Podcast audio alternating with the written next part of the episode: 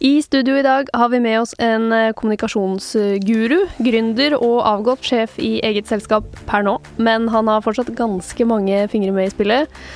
Han er godt kjent som en som ikke brenner inne med det han mener, og godt vant med mediestorm. Velkommen til en ny episode av Voksenpoeng med meg, journalist Nora Rydne i E24. Og velkommen i studio, Hans Gelmunden, eier, styreleder og kommunikasjonsrådgiver i Gelmund Kise. Tusen takk. Er du klar for fire kjappe voksenpoeng? Bevares. Hvordan kom du deg inn på boligmarkedet? Eh, eh, jeg er eh, veldig forsiktig med, med penger. Jeg er konservativ. Jeg er medlem av Fremtiden i våre hender. Og jeg liker ombruk. I det hele tatt liker jeg veldig godt å ta vare på det som er av verdi, og så kan jeg godt kaste resten. Det betyr at jeg begynte å gå med avisen da jeg var tolv år gammel. Jeg sparte penger. Jeg kjørte frossenfisk på Findus i studietiden, og jeg hadde en betydelig egenkapital med meg inn da jeg giftet meg i 1984 for aller første gang. Ja. Så du var eh, ikke noe foreldrehjelp eller noe? Ingenting. Jeg liker i det hele tatt veldig dårlig at noen skal bestemme over meg. Jeg vil bestemme selv. Og da må, og da må du ha penger for å klare deg. Så det hadde jeg. Ja. Og kjøpte en stygg liten leilighet eh, i Fururabben 21 på Østerås. På Østerås, ja. Rett ved Liordet stasjon. Ja, det er eksklusivt område. og der bodde vi en stund, og det, det, fungerte veldig fint. Ja. Hva er det beste du har gjort i karrieren? Eh, det er å starte eh, Gelmeiden Kise. Eh, jeg besluttet å stå på egne ben, eh, og det har jeg aldri angret. Det skal vi jo litt tilbake til òg senere. Det skal vi tilbake til. Jeg tenkte at det var bedre å være gal eier selv enn å bli eid av en gal en. Så det er fint. Jeg er ekstremt frihetssøkende. Jeg er ekstremt opptatt av uavhengighet, og jeg liker å, bestemme uh, på egen hånd. Hva er det beste du har investert penger i? Det må jeg si er familien og Gelman Kisse. Hva er det verste du har investert penger i? da? Jeg har 400 slips. Hæ? Og det er veldig mange slips. Og jeg tror jeg brukte det siste ca. for 20 år siden. Hvorfor bruker du ikke slips? Nei. Når brukte du det? Eh, det brukte man jo på 80-tallet, faktisk. Mm. Når vi gikk på barokk. Ok. Ja. Utelivsslips? Det er helt riktig. Så aldri gått med det på jobb? Ja, jeg gjorde nok det på, på 80-90-tallet, så, så, gjorde jeg nok det. Men så, så sluttet jeg. Hvor er disse slipsene? De henger på hedersplassen. Ja. Mm. Så du kan ikke kvitte deg med dem? Nei, det kan man jo også. Som sagt, jeg driver jo med ombruk. Jeg kan jo ikke kaste ting. Nei, nei, ikke kaste, men har du hørt om uh, finn.no eller Tice? Uh, ja, Tice har, har, jeg hørt om. Eller Gelmudens uh, slipseauksjon. Ja, men de er veldig flekkete, så jeg er ikke sikker på at det er, er, så, er så, mye verdt. Ja, det er en slags suvenir, da. ja, det er i hvert fall et minne. Men noen god investering var det ikke. Vi skal jo høre litt eh, hvor du eh, startet karrieren eh, hans, men først skal vi høre litt fra annonsørene våre.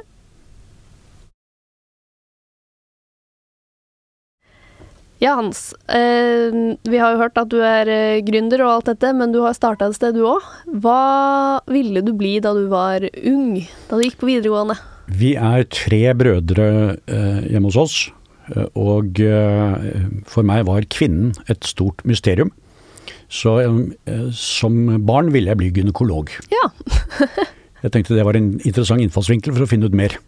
Nettopp. Eh, ja. Og da gikk du på videregående, eller var det som barn? Nei, jeg understreker at dette var som barn. Ja. så på på et tidspunkt så, så våknet man jo opp. Du, jeg eh, tror du er det første barnet jeg har hørt om som ville bli gynekolog. Ja, nei, jeg var veldig fascinert, og jeg tenkte veldig lenge var jeg opptatt veldig glad i ballett. For jeg tenkte at eh, det var jo eh, Stort sett var det jo kvinnelige dansere. Uh, og så var min onkel eh, nevrolog, eh, og jeg hadde jo veldig gode karakterer på skolen. Så den gang var det jo sånn at man skulle bruke de gode karakterene til noen ting. Mm. og da ga det seg selv at man måtte studere medisin. Og min onkel som var nevrolog, han sa at uh, Hansemann, uh, du er nå den siste som kan ta navnet videre i legestanden. Uh, så jeg finansierer studiene for deg dersom du velger, det, dersom du velger medisin. Oi. Yes. Ja, det var raust. Min far hørte kommentaren fra sin bror, altså min onkel, og satte seg ned veldig alvorlig med meg en søndag og sa oppriktig talt eh, Jeg hørte hva onkel Christian eh, sa til deg, men det tror jeg er en ganske dårlig idé. Fordi eh, det å være lege, det er et omsorgsyrke. Og det er vel ikke akkurat omsorg som preger deg mest, eller omsorgsbehov som preger deg mest. Og dessuten så kommer jo norsk helsevesen til å forbli offentlig, sa min far. Og jeg tror ikke man blir noe glad av å jobbe i staten. Ok. Eh, så da ble Og din det far, hva jobber han med? Eh, min far var gründer selv. Han var gründer selv, ja. Innenfor uh, Han drev et uh, lite kontorviskelærutsalg i yes. Grønlandsleire 14, okay. rett ved Lompa. Ja. Han var nok mer opptatt av kvinner enn han var av viskelær. Okay. Men det var nok til å holde familien, holde familien, gående. Ok, Så du har fått med litt fra din far, altså? Ja, det har jeg nok. Men han burde jo aldri drevet forretning. Han var jo ikke interessert i det, han var bare interessert i politikk.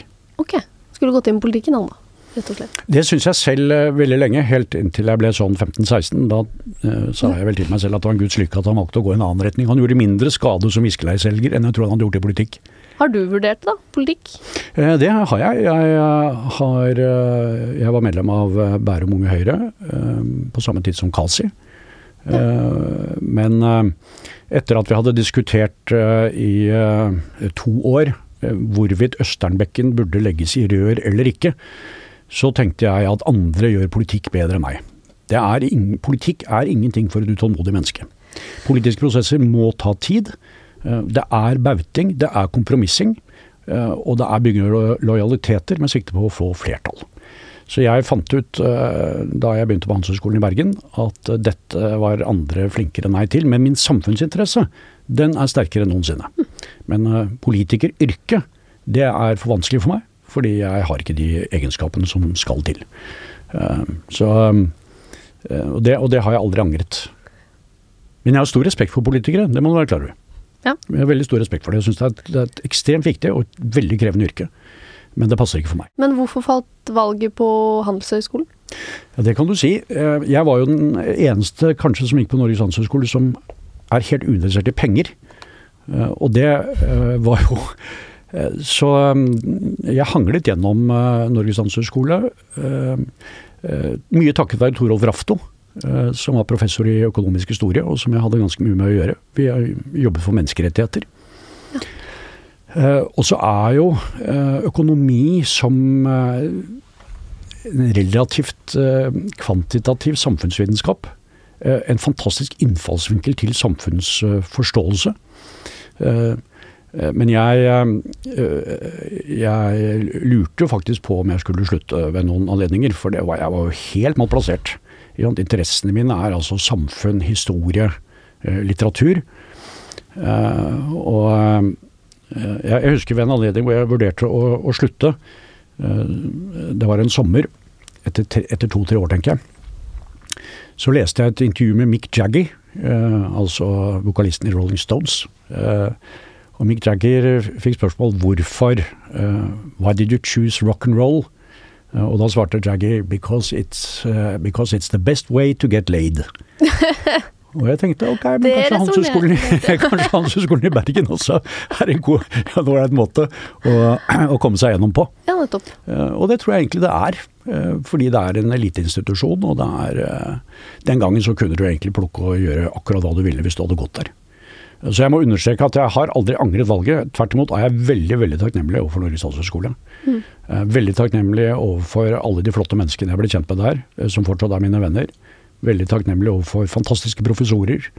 Og et fantastisk læringsmiljø. Og det var jo også der jeg klekket ut forretningsideen til Gelmeiden Kise. Ja, Det skjedde så tidlig, ja? Ja. Første semester på Norges handelshøyskole i faget Økonomikkens idégrunnlag og rammebetingelser. Mm, med professor Munch Tore. Han var svensk. og Jeg husker han sto i auditoriet og sa at uh, forutsetningen for perfekte markeder er perfekt informasjon. Mm. Uh, og så satt jeg der og tenkte at uh, det var da et veldig pussig påstand, tenkte jeg. Fordi jeg kunne jo ikke huske at jeg selv hadde hatt perfekt informasjon noen gang. Så etter forelesningen så gikk jeg opp til Munch Tore og så spurte jeg ham eh, har du noen gang hatt perfekt informasjon. Og siden han var professor, så var jeg jo helt sikker på at han måtte si ja på det spørsmålet. Og det gjorde han. Og da hadde jeg klekket opp ut et oppfølgingsspørsmål, så jeg sa ja vel, men hvorfor giftet du deg da med din kone? og da ble han helt stille, faktisk. han trodde jo jeg visste noe om hans kone som han ikke gjorde, Oh, ja. men det gjorde jeg jo ikke. Men jeg Det var tenker bare en bløff. Vi, hvis det hadde vært perfekt informasjon, så hadde vi vel ikke giftet oss noen av oss. eh, sannsynligvis. Eh, og så ble vi enige om at nei, perfekt informasjon det finnes ikke. Men eh, gjennom det semesteret så ble vi enige om at bedre informasjon finnes. Ja. Og det er egentlig hele forretningsideen i GK. At bedre informasjon gir bedre beslutninger, og i sum bedre samfunn. Så det er det vi tror på, og det er det vi jobber på. Var du fornøyd med deg selv da du klekka ut dette og skjønte at det fins en verden der jeg ikke trenger å jobbe så mye med økonomi? Ja, eh, men det var jeg aldri så veldig redd for. Du må huske på at jeg kommer jo fra en familie eh, med eh, politikere, kunstnere og gründere. Eh, Så jeg har aldri vært noe særlig bekymret over hva jeg skulle bli. Eh, I det hele tatt hadde ikke min generasjon noe særlig angst. Eh, Dere er en jeg veldig ser- heldig generasjon. Ja, fordi dette har endret seg. vet Du Du kan si at De mest engstelige av oss var jo litt bekymret over eh, atombomben Mm. uh, osv. Hard rain is gonna fall osv. Men generasjonen nå har jo mye angst. altså Min eh, yngste datter som er 18. uh, jeg skal ikke snakke om hennes angst, men jeg møter jo mange unge hjemme, og det er jo fantastisk hyggelig. Men de er bekymret. Uh, og med en viss rett. Ikke sant? Det er klima, det er eh, energikrise, det er uh, eh, migrasjonsbølger. Og en helt annen usikkerhet enn det det var. Eh, det vi, det vi, det vi eh, var mest bekymret over, vi som begynte på Norges handelshøyskole i 1975, det var jo 68-erne, som vi syntes var noen fordømte slabbedasker som ikke tok ansvar, og som trodde på staten. Det var jo det vi var mest bekymret over. Ja. Nei, dere er eh, heldige der, altså. Det er mye å bekymre seg for for vår generasjon. Mine foreldre, ingen av dem har noensinne søkt jobb. De har bare fått dem. Hater dem litt.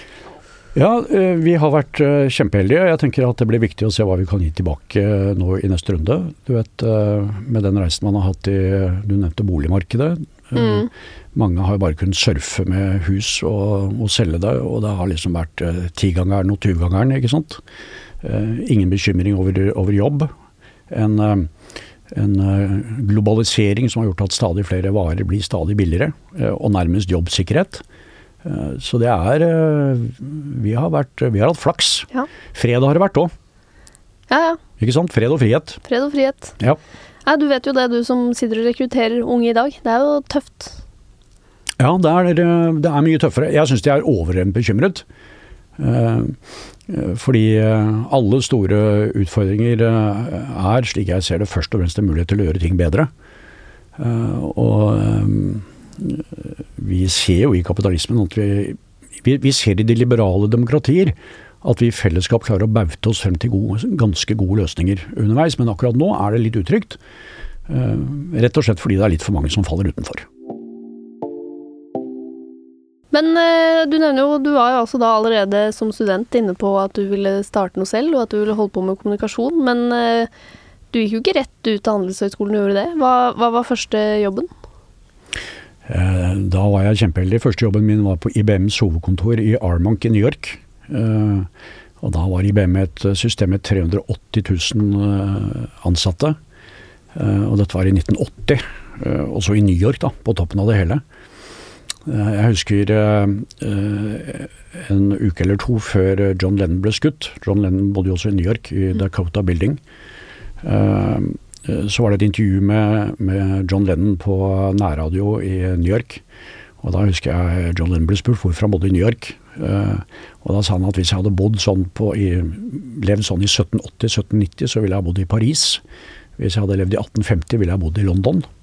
Uh, men i uh, 1980 så er det bare ett sted som gjelder, og det er New York. Og det er jeg helt enig med han i. Altså Etter det året har jeg aldri vært så sliten i hele mitt liv.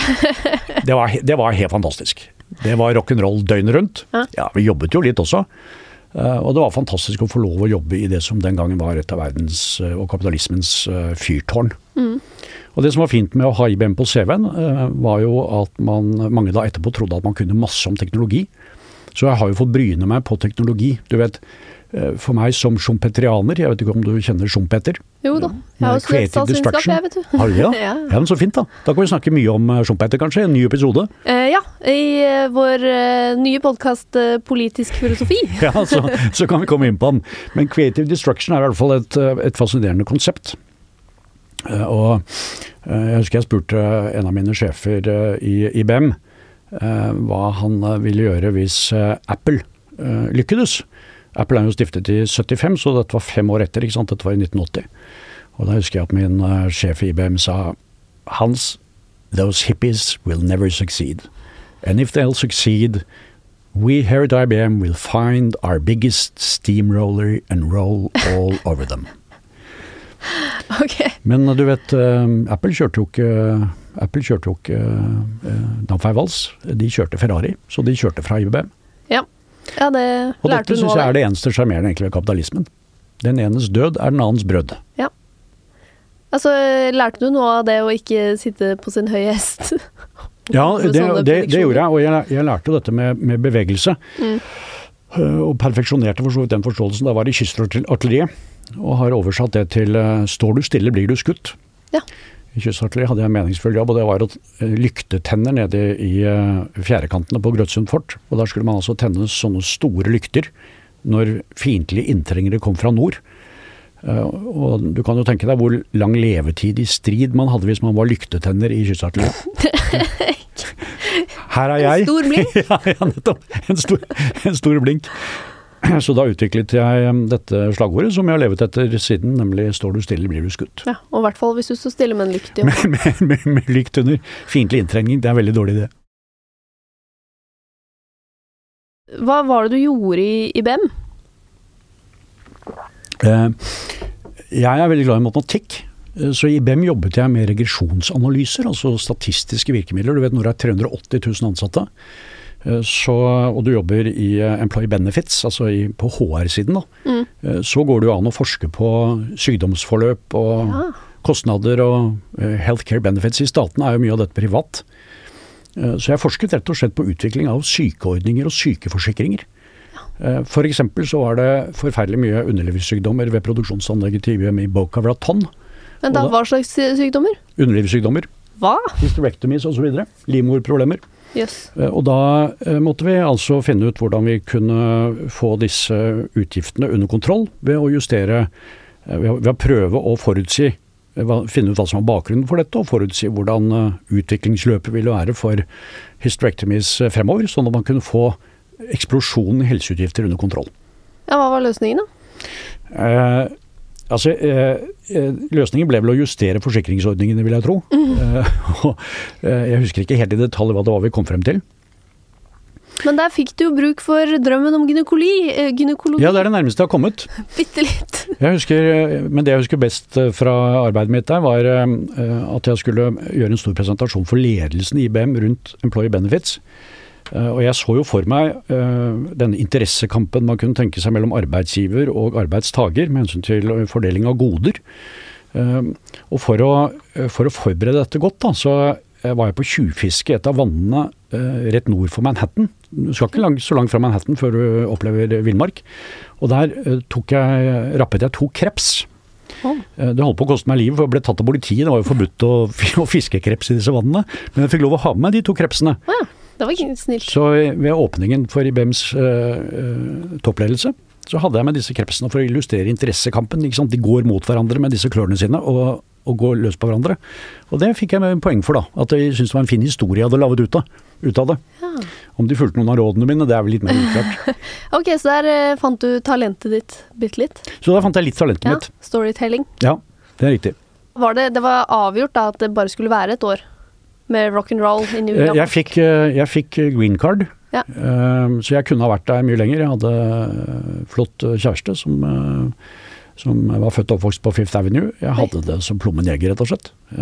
Men jeg har ekstremt sterk forsvarsvilje. Mm. Og jeg er veldig glad i Norge, og jeg er veldig glad i norsk demokrati. Og jeg begynte altfor tidlig på skolen, så jeg var jo nesten ikke ferdig med pubertet da jeg var ferdig på andre skolen. Og hadde definitivt ikke vært posisjon. Eh, Så jeg hadde valget mellom å fortsette å bo i USA eh, eller reise hjem og gjøre verneplikten min. Eh, Og det gjorde jeg, og det gjorde jeg ved å gå befalsskolen for kystartilleri på Skarsborg. Ja.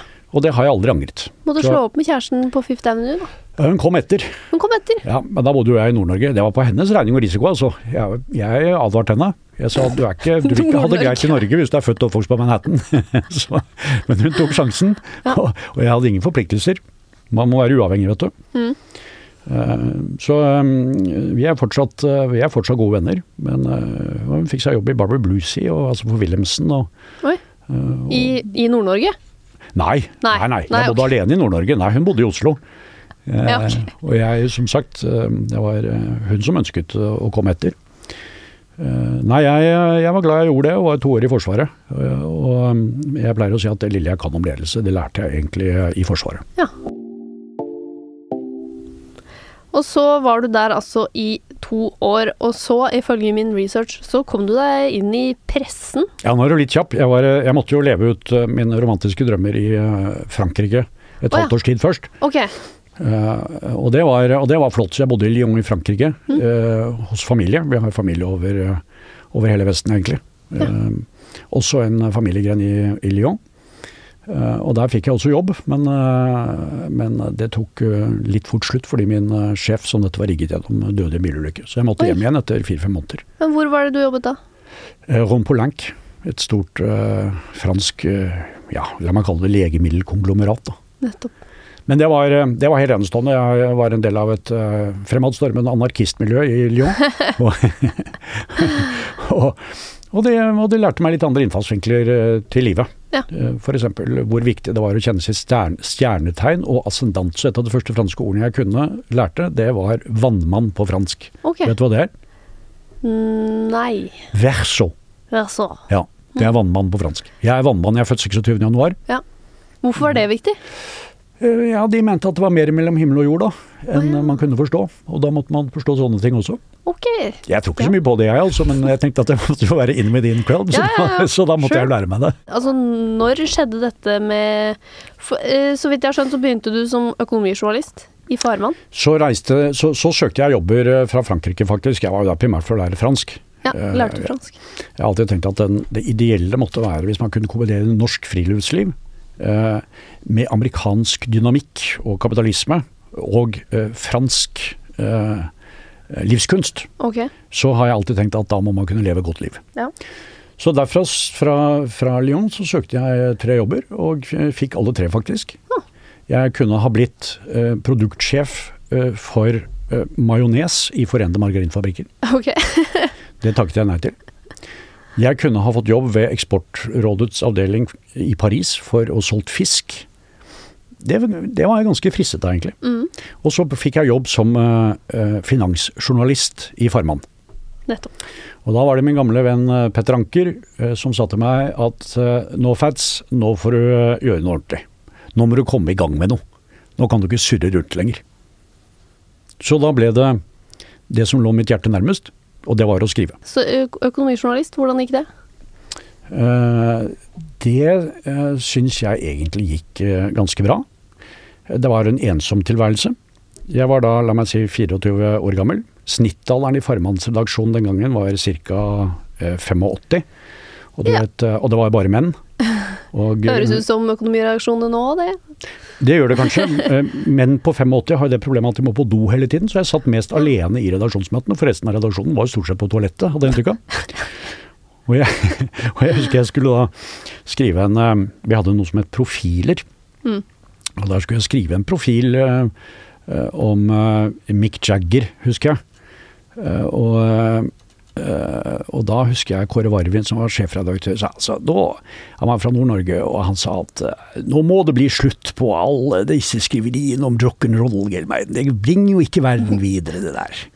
Men, men noe av det beste faktisk med tilværelsen, syns jeg, i Farmann, var den enorme friheten jeg fikk. Mm. Og uh, at det var mange som ville Farmann vel. Det var jo nesten et konkursbo kontinuerlig, eid av familien Hoff uh, den gangen. Eh, Og så var det mange venner av huset som ønsket at eh, Farmann skulle overleve. Så jeg fikk anledning til å bli kjent med noen av de største presseprofilene. eh, som kom innom, og som lærte meg ganske mye om journalistikk. En av dem var Arne Bonde. Arne Bonde var sjefredaktør i VG. Han ble senere den første sjefen i P2. Eh, Arne fulgte opp Ja, dette er jo faren til Bonde som, som skriver politiske kommentarer nå. Eh, eh, og den andre var Kåre Valbrokk, eh, som jeg hadde det helt utmerket med. Store, store profiler, kjempegode redaktører. Og, og for meg var jo det en fantastisk journalisthøyskole, som du kan tenke deg. Ja. Så jeg tilhører egentlig Valebrokk. Da jeg ble redaktør selv, så, så tilhørte jeg Valebrokk-redaksjonen.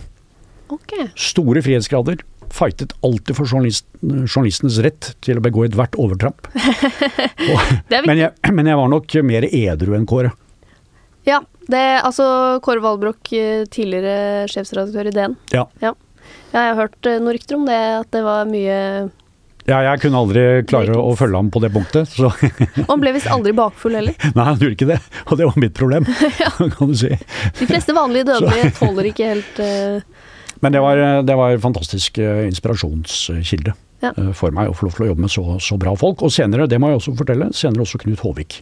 Ja. Eh, VG, VG-mann. VG, men også Se og Ja, Hør-redaktør. selvfølgelig. Ja, jeg kjenner ham jo best som og Knut fikk jeg jobbe masse med også da han var sjef i Aller-systemet, med utvikling av hele Radio 1-systemet. og, og senere også spilte ball. Nå holder jo Nettavisen til på andre siden av gaten her. Jeg var jo med på å stifte Nettavisen. Mm. Eh, la meg si 1995 også. Så det, så det var morsomt. Jeg, jeg har fortsatt et eh, bankende hjerte for eh, media, jeg synes, og massemedia. Og redigerte massemedier. Ja. Og jeg tenker det er viktigere enn noensinne. Og sånn sett er det jo synd at jeg er mer avmagret enn noensinne også. Hvor gikk veien da fra farmann til å bli sjefsredaktør for Morgenbladet? Eh, det gikk gjennom Ingrid Stange, som er en veldig god venn av meg. Hun var generalsekretær i Libertas. Hun vil også være kjent for å være gift med Ole Jakob Sunde, som en styreleder i Skipsted. Mm. Eh, og eh, Ingrid sa at eh, Dette skjedde på nachspiel, faktisk. Eh, hvor jeg sa nå må du gjøre noe med det der gamle liket som du har i porteføljen. Det var da Morgenbladet jeg siktet til. Det var en dagsavis den gangen. og det var først og fremst en veldig gammel dagsavis, så jeg tenkte at den måtte fornyes. Eh, og da sier, ser Ingrid på meg og sier hun vel, hvis du er så stor i kjeften, så skal du få lov til å få prøve sjøl. Så den jobben fikk jeg på et, eh, på et nachspiel, og så jobbet vi gjennom et halvt år for å finne ut hvordan vi skulle gjøre dette. Ingrid var forhenværende McKinsey-konsulent, så vi brukte McKinsey metodeverktøy eh, på å finne ut hvordan vi kunne eh, endre eh, dette mediet. Dette er bare en sånn ting at Den gangen holdt jo Morgenbladet til inkognitogaten. Jeg mener, Et medium kan jo holde til hvor som helst, men i inkognitogaten så kan ikke et medium holde til. altså. Og I min bok er jo et medium skal jo bråke. ikke sant? Mm. Det må lage bråk. Og dette bråkte jo ikke i det hele tatt. Det luktet jo bare litt tiss av hele avisen. Så vi Altså, måtte det Inkognitogaten på Frogner, sant? For de ja, Inkognitogaten ved Parkveien. Ja. Altså omtrent der hvor Petter Stordalen bygger leiligheter nå, bak Ja, eh, Oslo Lysverker. Rett ved Slottet. Nei, rett ved Slottet. Der holdt de til i en bakgård. Kunne ikke det, vet du. Nei, så det, så det la vi om. Og, det, og jeg fikk med meg masse bra folk. Det var jo ingen eh, folk med trygge jobber som ville være med på dette stuntet. Men det var masse sultne, jævlig flinke folk som syntes at dette var kjempemorsomt. Jeg husker jeg ble intervjuet av Dagbladet da jeg hadde fått den, eh, den jobben. og Da husker jeg sa at eh, Dagbladet sa til meg at ja, dette kommer jo aldri til å gå bra. Og da sa jeg at det kan godt tenkes du har rett i det, men hvis man først skal brekke nakken, så er dette en morsom måte å gjøre det på. Og det er i grunnen litt innfallsvinkelen min. Ja. Jeg, jeg tenker man må, man må ha det moro underveis. Og Det er, du- ikke så, det er ikke så farlig dette livet, egentlig. Nei, det er jo deres generasjons innstilling. Ja. Men eh, du var bare redaktør der et år? Eh, Nei, jeg var vel redaktør der i eh, nesten to år, tenker jeg. Ja, okay. uh, jeg men så fikk jeg sparken. Uh, Det er helt riktig. Men var det din første lederjobb? Nei. Nei, jeg har vært leder bestandig. Ja, men sånn på papiret? Nei, på alle mulige måter har jeg vært det. Altså fra Ulvungen. Jeg, jeg er jo, altså Et stykke på vei er jeg jo helt enig med Sartre, som sier at 'hell is other people'. Man har det jo jævlig bra når man er alene. Eh, Men på den annen side så liker jeg godt å ta ansvar. Så derfor har jeg fått disse lederstillingene bestandig. I Ja. Ulvungen og i Speideren og i elevrådet og eh, på Norges handelshøyskole hvor jeg var redaktør for Bulle, som studentavisen Ja. heter. Um, eh, I Farman ble jeg også redaksjonssjef etter trekvart år. Ja, det var det, ja. Ja, Aha. så du vet uh, Så det var et ja. ledertalent som uh, Det ville jeg helst ikke ha sagt noe om. Nei, det vil ok. jeg ikke. Og, og i Forsvaret var jeg Fenrik. Nå er jeg Ja. årlogskaptein i Sjøforsvaret. Ja. Så jeg har alltid fått eh, lederverv, og det kommer av to ting, tror jeg. At jeg, at jeg er fascinert av, jeg er glad i å ta ansvar. Og så hater jeg at andre skal bestemme over meg. Og da er det altså bedre å bestemme sjøl. Så, så, så, så mitt lederskap er tatt med tang. Ikke sant? Mm. Jeg er ganske ambivalent, egentlig, eh, til å lede. Men eh, av alle eh, vonde valg, så tenker jeg at det å være leder er tross alt eh, det beste jeg kan gjøre. Jeg ser for meg at du kanskje er en mer slitsom medarbeider enn du er slitsom leder, ja. Og det tror jeg egentlig veldig mange vil være enig i. Så, så derfor er det blitt på den måten. Men jeg, jeg definerer jo lederskap på min egen måte. Eh, og det har jeg gjort, og det, og det har jeg lært i media, egentlig. Så som uh, sjefredaktør, redaksjonssjef, og for så vidt også i GK, så ser jeg på meg selv som dirigenten i symfoniorkesteret. Mm. Jeg, jeg, liker å, å, å, å, dirigere, jeg gir stor frihet til de som spiller. Og, jeg, og, jeg, liker å delegere på en sånn måte at vi spiller vakker musikk. At vi Uh, jeg tror de kreative organisasjoner, teatret Gelman Kise mener jeg er en av de mest kreative bedriftene i Norge. Det kan vi dokumentere gjennom alle prisene vi vinner. Så tror jeg det er en lederform som fungerer. Men hvorfor fikk du sparken uh, fra Morgenbladet? Altså, jeg hadde Han som da, da, da Ingrid og jeg hadde jobbet ut konseptet for uh, Morgenbladet, så gikk vi rundt til en rekke mediebedrifter for å høre om de ville kjøpe konseptet og kjøpe avisen. Um, Skipsted, Dagbladet uh, osv., men det var jo ingen av dem som ville kjøpe det. Og det som var uh, dilemmaet, uh, var at han som kjøpte det het Roar Hansen og drev Søndag Søndag, kan du tenke deg. To så ulike medier. Du husker sikkert ikke Søndag Søndag, eh, men Når gikk det? det? Det var en skikkelig harryblekke fra Drammen. Virkelig det verste av det verste. Tabloid. Tabloid hadde vi en egen spalte i Morgenbladet som het, så vi satt jo og hakket på den andre delen av dette lille mediekonsernet. Eh, og eh, eh, da jeg lot meg overtale til å ta jobben som sjefredaktør Avisen var solgt, men noen skulle jo lede den, og Hansen spurte om jeg ville gjøre det. Så fikk jeg en kontrakt der det sto at jeg hadde full redaksjonell frihet. Det som var Hansens problem oppi dette, var at han kjøpte denne avisen fordi han var viseformann på det tidspunktet i Fremskrittspartiet, et parti som jeg aldri har stemt på. Så eh, vi ehm, jeg tenkte jo at det, at det, kanskje var et tidsspørsmål. Jeg, jeg, måtte få være, Også da måtte jeg få være uavhengig. Jeg måtte få lov å ha en fri og uavhengig redaksjonell linje. Jeg trakk til meg en masse uavhengig tenkende sjeler. Alt fra Alf Nordhus, eh, som hadde mange edru gløtt eh, det halvannet året vi samarbeidet, til Åge Samuelsen. Det, var, det sydde og kokte, altså. Det var, mye, det var mange oddlottere, mange gærninger, som jobbet under samme tak, og vi hadde det veldig bra sammen. Vi firedoblet opplaget. Nå er det riktignok veldig lavt i utgangspunktet, men det gikk fra 4 til 16 000. Mm. Og det er ganske fort i, i mediesammenheng. Det koster kanskje litt mer penger enn Roar Hansen hadde sett for seg. men det som ble utløsende for at jeg fikk sparken, eh, det var at jeg hadde skrevet en lederartikkel som Roar Hansen var sterkt uenig i. Eh, og det var til Søndagsavisen. Vi var det første med søndagsavis i Morgenbladet. Vi kom ikke ut mandager, for vi, vi var ikke interessert i sport. og Det er ikke så mye annet å skrive om mandager i norske medier. Uh, så vi, vi lagde søndagsavis. Uh, og da jeg våknet opp søndag morgen da, for å plukke opp Morgenbladet på dørmatten, så så jeg at det var en helt annen forside enn den jeg hadde laget. Og det var også en helt annen lederartikkel enn den jeg hadde skrevet. Yes. Og du vet, sånn kan man ikke gjøre når man er aviseier. Eh, så da ringte jeg Alf Nordhus, eh, og Alf sa Hans, dette skal vi ordne. Eh, og jeg sa at jeg har ikke egentlig noe tro på at Roar Hansen og jeg blir noe bra par i norsk presse, så jeg tror det beste måten å ordne på er at Roar Hansen betaler en erstatning til meg for overtrampet han har begått. På f.eks. Års, et års lønn. Ja, sa Alf, det skal, jeg, det skal jeg fikse. Det er jeg helt enig i, det skal jeg fikse. Og så fikset han det. Og det ble startkapitalen til GK, egentlig. Ja, Så eh, det, du fikk rett og slett en sluttpakke? Jeg fikk en sluttpakke på, på ett år, og så var jeg ganske lur, for vi hadde jo eh, litt uh, dårlig erfaring med Roar Hansens likviditet. Uh, han var stort sett blakk hele tiden, han også. Så jeg fikk da en bankgaranti fra Kredittkassen i Drammen uh, på den, på den lønnsutbetalingen. Hadde jeg ikke hatt den bankgarantien, tror jeg aldri hadde fått de pengene, for å si det sånn. Hvordan var det å starte opp Gelmund Kise? Hva skjedde? Det var uh, Gelmund Kise er tatt med tang. Det nå? Ja. ja. Uh, fordi jeg skulle egentlig gjerne ha fortsatt i, i pressen. Uh, men så har jeg blitt kjent med Jo Kise, sånn som journalister blir kjent med hverandre. På, um, på pressetur til Sabs flygefabrikk i Linköping. Mm. Og der, i underetasjen på Satshotellet, der satt en underlig gråsprengt en, og det var Jo Kise. Um, så jeg gikk bort til ham uh, første kveld, og, og, vi ble sittende der og, og prate, og pratet godt. Uh, så da jeg fikk sparken i Morgenbladet, så ringte Jo uh, dagen etter og sa nå Hans, nå skal vi starte noe sammen.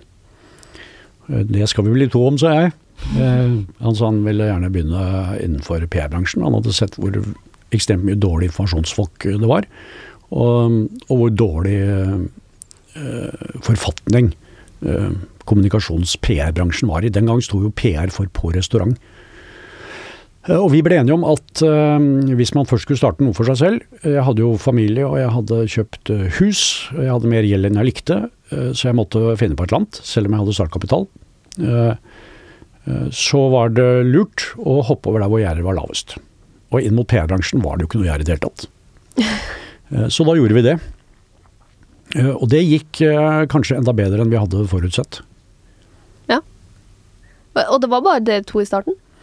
Ja, men starten, starten, var jo bare en måned eller to. Oh, ja. Og vips, så var vi jo vi, Altså de første 10-12 årene så vokste vi med 42% hvert eneste år.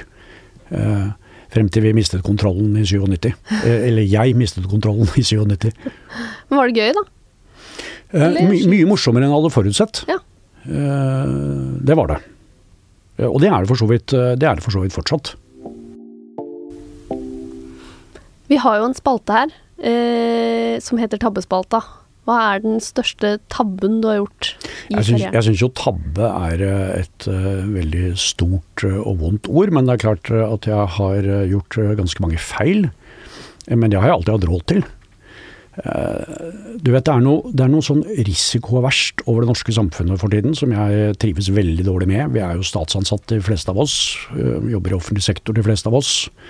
Øh, og øh, vi tror ikke på noen gud, men vi tror på staten.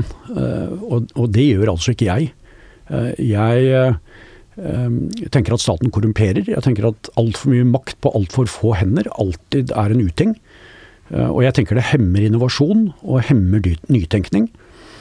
Eh, så forutsetningen forutsetning for nytenkning er jo å ha råd til å gjøre feil. Og fordi jeg er veldig forsiktig, ikke med kjeften min, men med pengebruk, så har jeg hatt råd til å gjøre mange feil. Den største feilen jeg har gjort, gjorde jeg da jeg fikk altfor mye penger. Vi hadde en emisjon i 96-97 og fikk inn 40 millioner. Og Eh, skulle da eh, ekspandere. Fritt frem i alle retninger var mitt eh, slagord. og det var veldig dumt. Rett og slett fordi vi hadde ikke ledere til det. Vi hadde ikke styringsstrukturer til å klare en sånn ekspansjon. Så jeg har bedt disse fire investorene, som også var og er gode venner av meg, om unnskyldning mange ganger. Det er Christian Ringnes, det er Jens Hultveit Moe, det er Moritz Skaugen og det er Einar Nagel Eriksen. Eh, som kom med pengene, og de fikk bare igjen halvparten av de pengene de kom med. Og nå sier jeg det på nytt, det var en kjempefeil jeg gjorde, og jeg beklager så meget. Altså det som skjedde var at det, det ikke funket når dere startet opp i andre land og du vet, ja. i, i, Norge kan jeg ta, ta to telefoner, så finner jeg ut det mest om de fleste. Uh, men uh, når jeg skal ut i Sverige og Danmark, uh, så, så, har jeg ikke samme, de samme forutsetningene. Og selv om jeg hadde studert eksportmarkedsføring på Norges handelshøyskole, Eh, og, og, der hadde jeg lært at, man, at det er dyrt eh, å gå ut i fremmede markeder. Mm. Så derfor hadde jeg gjort emisjonen på forhånd. Eh, men det var mye vanskeligere enn det jeg trodde. Og det jeg på den annen side er kjempestolt av i ettertid, er så vidt jeg vet, er GK det eneste kommunikasjons-slash-reklamebyrå som har klart å ekspandere internasjonalt. Og i dag er vi en meget profesjonell organisasjon i Skandinavia med kontor i Stockholm, København og Oslo. Og til sammen 140 ansatte. Så det gikk bare galt i starten? Ja, men, men, starten var jo de første 15-20 årene, egentlig. Oh, ja, okay. Men du ga deg ikke på det? Nei, jeg gir meg aldri. Nei. Jeg tror jeg er gæren, jeg. Nei, man kan ikke gi seg. Tabbe da? Hva? Det var ikke en så stor tabbe, bortsett fra at det sølte Nei, men, men eh, det, det, det, kunne hadde jeg, ikke, eh, hadde jeg ikke stoppet i tide, kan du si, og, og, tatt min egen medisin og ryddet opp, så kunne det ha gått galt. Så i 2002-2003 eh, så kunne jeg se skifteretten i det fjerne litt for nær. Nettopp. Hva var det som redda dere ut, da? Um, Av skifteretten? det var um, en ganske viktig lærdom, egentlig. Uh, uh, jeg husker jeg satt en uh, stille kveld på kontoret mitt på Lilleaker den gangen. eh, og lurte på hvordan jeg skulle klare å komme ut av dette uføret. Eh, og så banker det en vakker kvinne på eh, kontordøren. Vi hadde cellekontorer. Eh, og sa at eh, hva, hva driver du med nå? Så sa jeg men eh, jeg har fått sjappa inn i en dårlig forfatning, og det er min oppgave å rydde opp etter meg og få det til. Og så sier hun har det slått deg at vi Den gangen var vi jo også over 100 ansatte. at vi andre også veldig gjerne vil hjelpe til, fordi vi er glad i virksomheten vi også. Og da sa jeg at det har jeg egentlig ikke tenkt så mye over. Så hun foreslo at jeg dagen etter skulle invitere til allmøte. fortelle hvordan jeg hadde det. Eh, kle meg naken for å mobilisere for endring. Og det var en eh, veldig, veldig viktig ledererfaring. Ja, for hvordan var det for deg? Du er jo en eh, person som liker å ha rett, har jeg inntrykk av. Nei, Nei. jeg er faktisk ikke så veldig opptatt av å ha rett. Jeg liker å diskutere, Ja.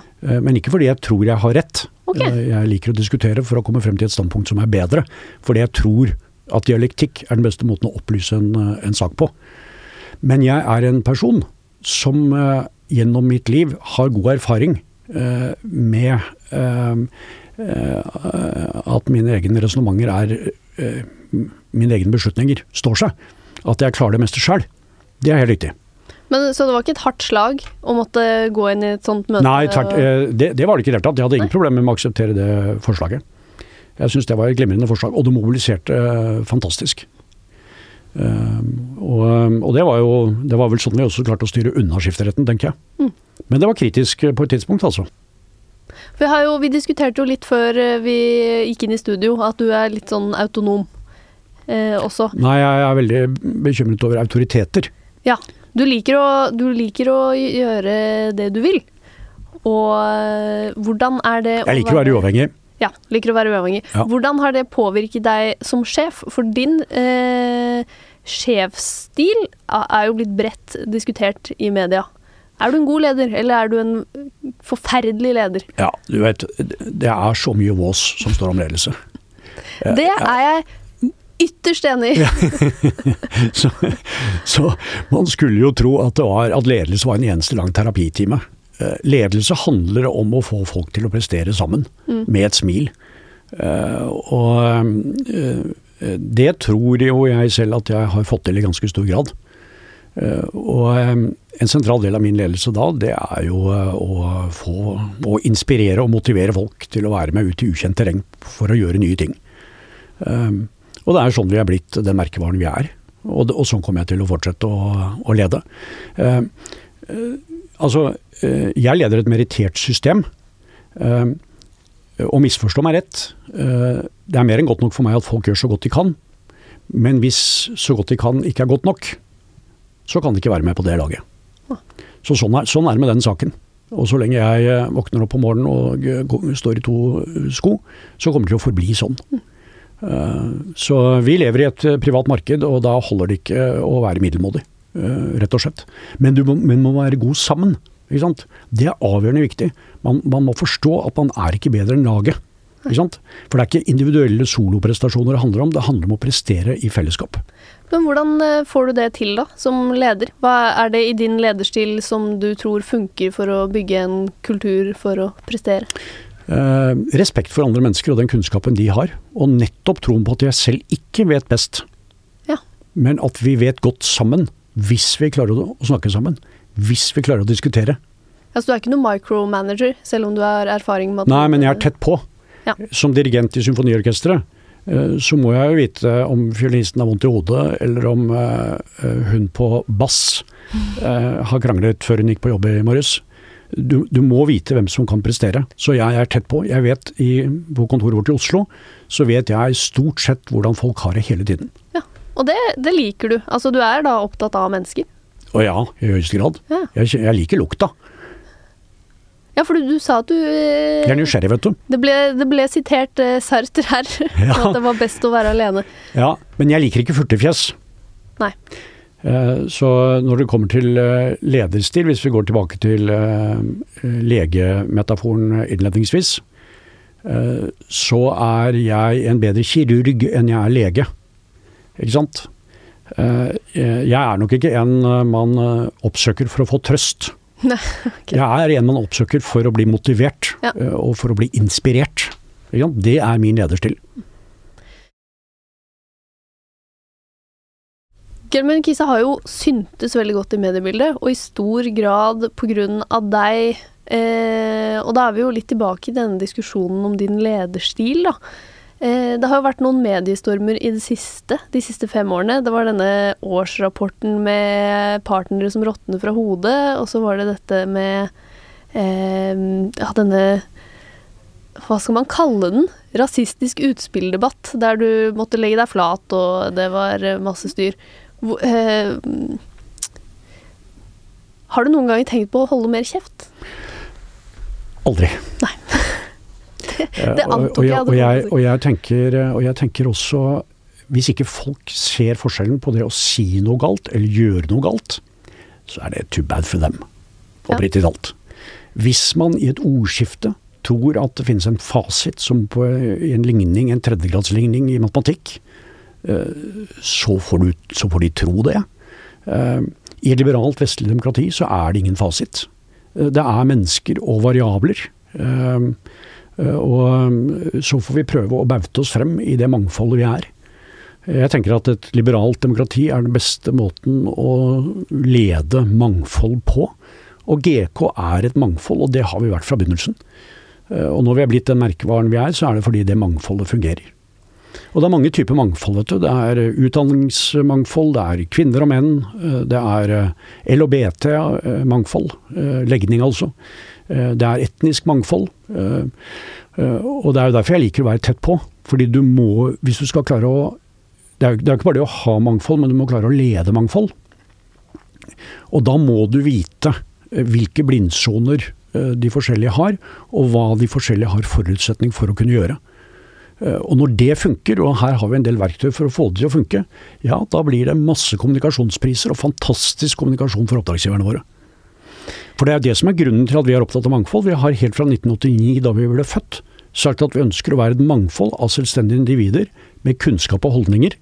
Og eh, holdningene våre er åpenhet, integritet, mot og sans for humor. Jeg har alltid tenkt som Nehru sa til sin datter Indira, vær modig, og så ordner resten seg av seg selv. Men blir du noen ganger irritert når det blir mediestorm av noe du sier? Nei, det gjør meg overhodet ingenting. Det gjør ikke det? Du Nei. sover godt om natten da? Jeg er jo mye mer bekymret over stillhet. Ja. Ok, så det, det Der, ingen, der alle tenker likt, tenker ingen meget. Nettopp. Så en diskusjon er jo et tegn på liv for meg. Ja. Krig er alle tings mor, sa Heraklitt. Så du liker Det tror jeg det, du liker det egentlig litt når det stormer rundt deg, og du tar det med ro? Ja, det mener jeg får det beste frem i meg, rett og slett. Ja. Jeg kjeder meg lett. Nettopp. Men blir andre irritert på deg når det er sånn Må, må du starte den Altså, de, eh, det er jo eh, Det er jo sikkert rart for deg å høre, men jeg tenker jo at de ikke blir irritert på meg, men de eh, viser en form for kjærlighet til meg ved at de tenker at jeg har det dårlig. Ja, ok. Men det har jeg altså ikke. ikke. så, så er det med omsorg igjen som er et veldig vanskelig konsept. Men føler du at ting har endret seg? Var det lettere å være litt sånn eh, rappkjefta og eh, si akkurat hva man mente før? Fordi du vet, nå, nå sier jeg din generasjon, eller yngre mennesker, Mm. eh, med den angsten de har, eh, så er det klart at min kjeft kan bli i meste laget, på toppen av det hele. Men jeg gir meg ikke. De får sitte der med angsten sin. Jeg tror, eh, fordi Dialektikken er så viktig. Det er derfor jeg er bekymret over tilstanden for de redigerte mediene også. Eh, Fordi eh, de må fortsette å fule debatt og, og motsetninger. Og hvis vi, hvis vi skal la woke og cancel culture få lov til å dominere grunnen her, ja da begynner jeg virkelig å bli bekymret over de liberale vestlige demokratiene. Det må aldri skje. Vi må fortsatt kunne, i stor respekt for hverandre, bringe til torvs det beste vi måtte ha av ideer og meninger. Og så uttrykke de meningene så tydelig at det er noen som klarer å respondere på det. Altså Hvis du ikke klarer å si noe tydelig, eh, da er det jo heller ingen som responderer. Og hvordan skal samfunnet komme videre da? Dette er jo, dette er jo helt banalt. Men ble det en bra diskusjon internt, da? Altså, dere, det er jo veldig mange unge som jobber i Gelmund Nei, diskusjonen internt uh, syns jeg ble forferdelig svak. Men det var en stor glede for meg å vise at vi har takhøyde også for en svak diskusjon. Men så valgte du altså å gå av etter denne siste debatten, da. Hvorfor det? Um, det, det, spiller jo altså Hvilken plassering har du på laget? Du vet, Jeg har aldri vært noe særlig opptatt av posisjoner. Det er snakk om å ta ansvar. Og det var Margrethe som jeg er gift med, som sa Hans, du har jo gledet deg til å gå over i en annen rolle lenge. Er ikke dette en helt unik mulighet til å gjøre det? Og det var jeg helt enig med henne i. Så jeg eier jo 95% av denne virksomheten. Eh, det betyr jo at jeg grunnleggende sett kan gjøre akkurat hva jeg vil. Eh, ja. Og akkurat nå vil jeg være styreleder, men det vil jeg også bare være en liten stund. Så du har ingen planer om å pensjonere deg med det første? Altså, jeg eh, er jo, som, er jo kondisjon som en toppidrettsutøver. Trener hver dag. Og tenker at jeg fortsatt kan gjøre mye ugagn. Har du noen tips til andre unge ledere som vil nå langt? Uh, jeg, jeg, har, jeg, har, noen føringer som har vært viktige for meg uh, selv uh, bestandig. Eh, familien har et motto som heter 'semper idem'. vær deg sjæl, egentlig. På latin 'semper' betyr alltid å idem deg selv, men, men vær deg selv. føl deg trygg på deg selv, føl deg trygg på dine egne verdier.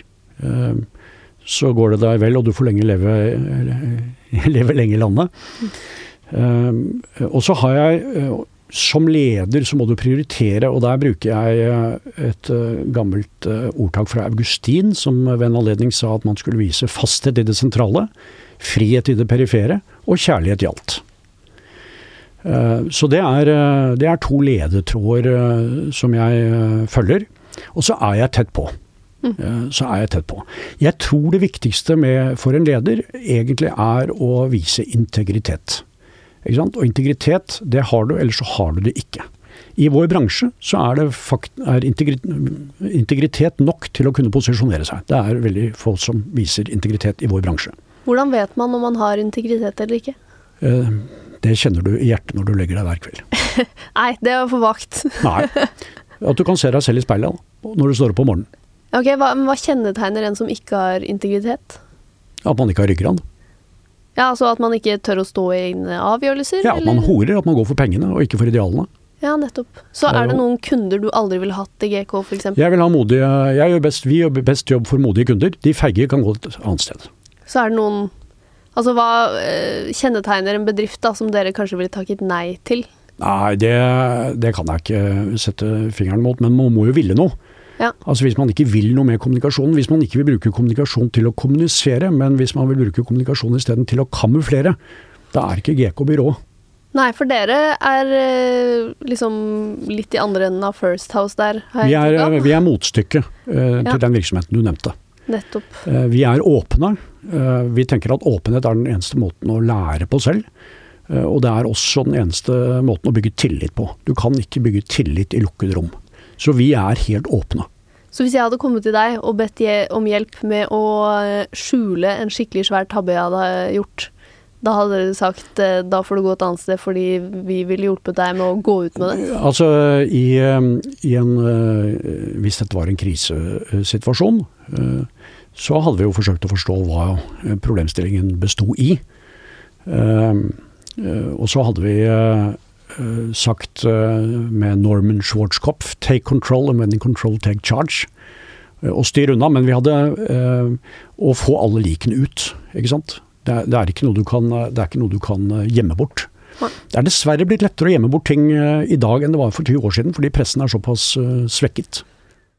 Vi har jo et siste fast spørsmål her. Hvis du kunne reist tilbake i tid og gitt 20 år gamle Hans et råd, hva ville det vært? Uh, at man må beherske lagspill selv om man er en individualist. Uh, og at jeg ikke skulle glemme at det er bedre å leve som en løve i ett døgn enn som et får i tusen. Det var kanskje to råd, det. Var det det? Ja, ja, ja men du, hvis du hadde snakket fort, så hadde du kanskje rukket disse to rådene til Og jeg liker aldri å gjøre som jeg blir bedt om. Veldig bra. Tusen takk for at du kom hit i dag, Hans Gelmynden. Produsent i dag, det var Ahmed Fawad Ashraf. Og hvis du vil lese skoledagboka til Hans, så må du gå og følge oss på Instagram. Der heter vi Voksenpoeng med Nora. Takk for at du hørte på i dag.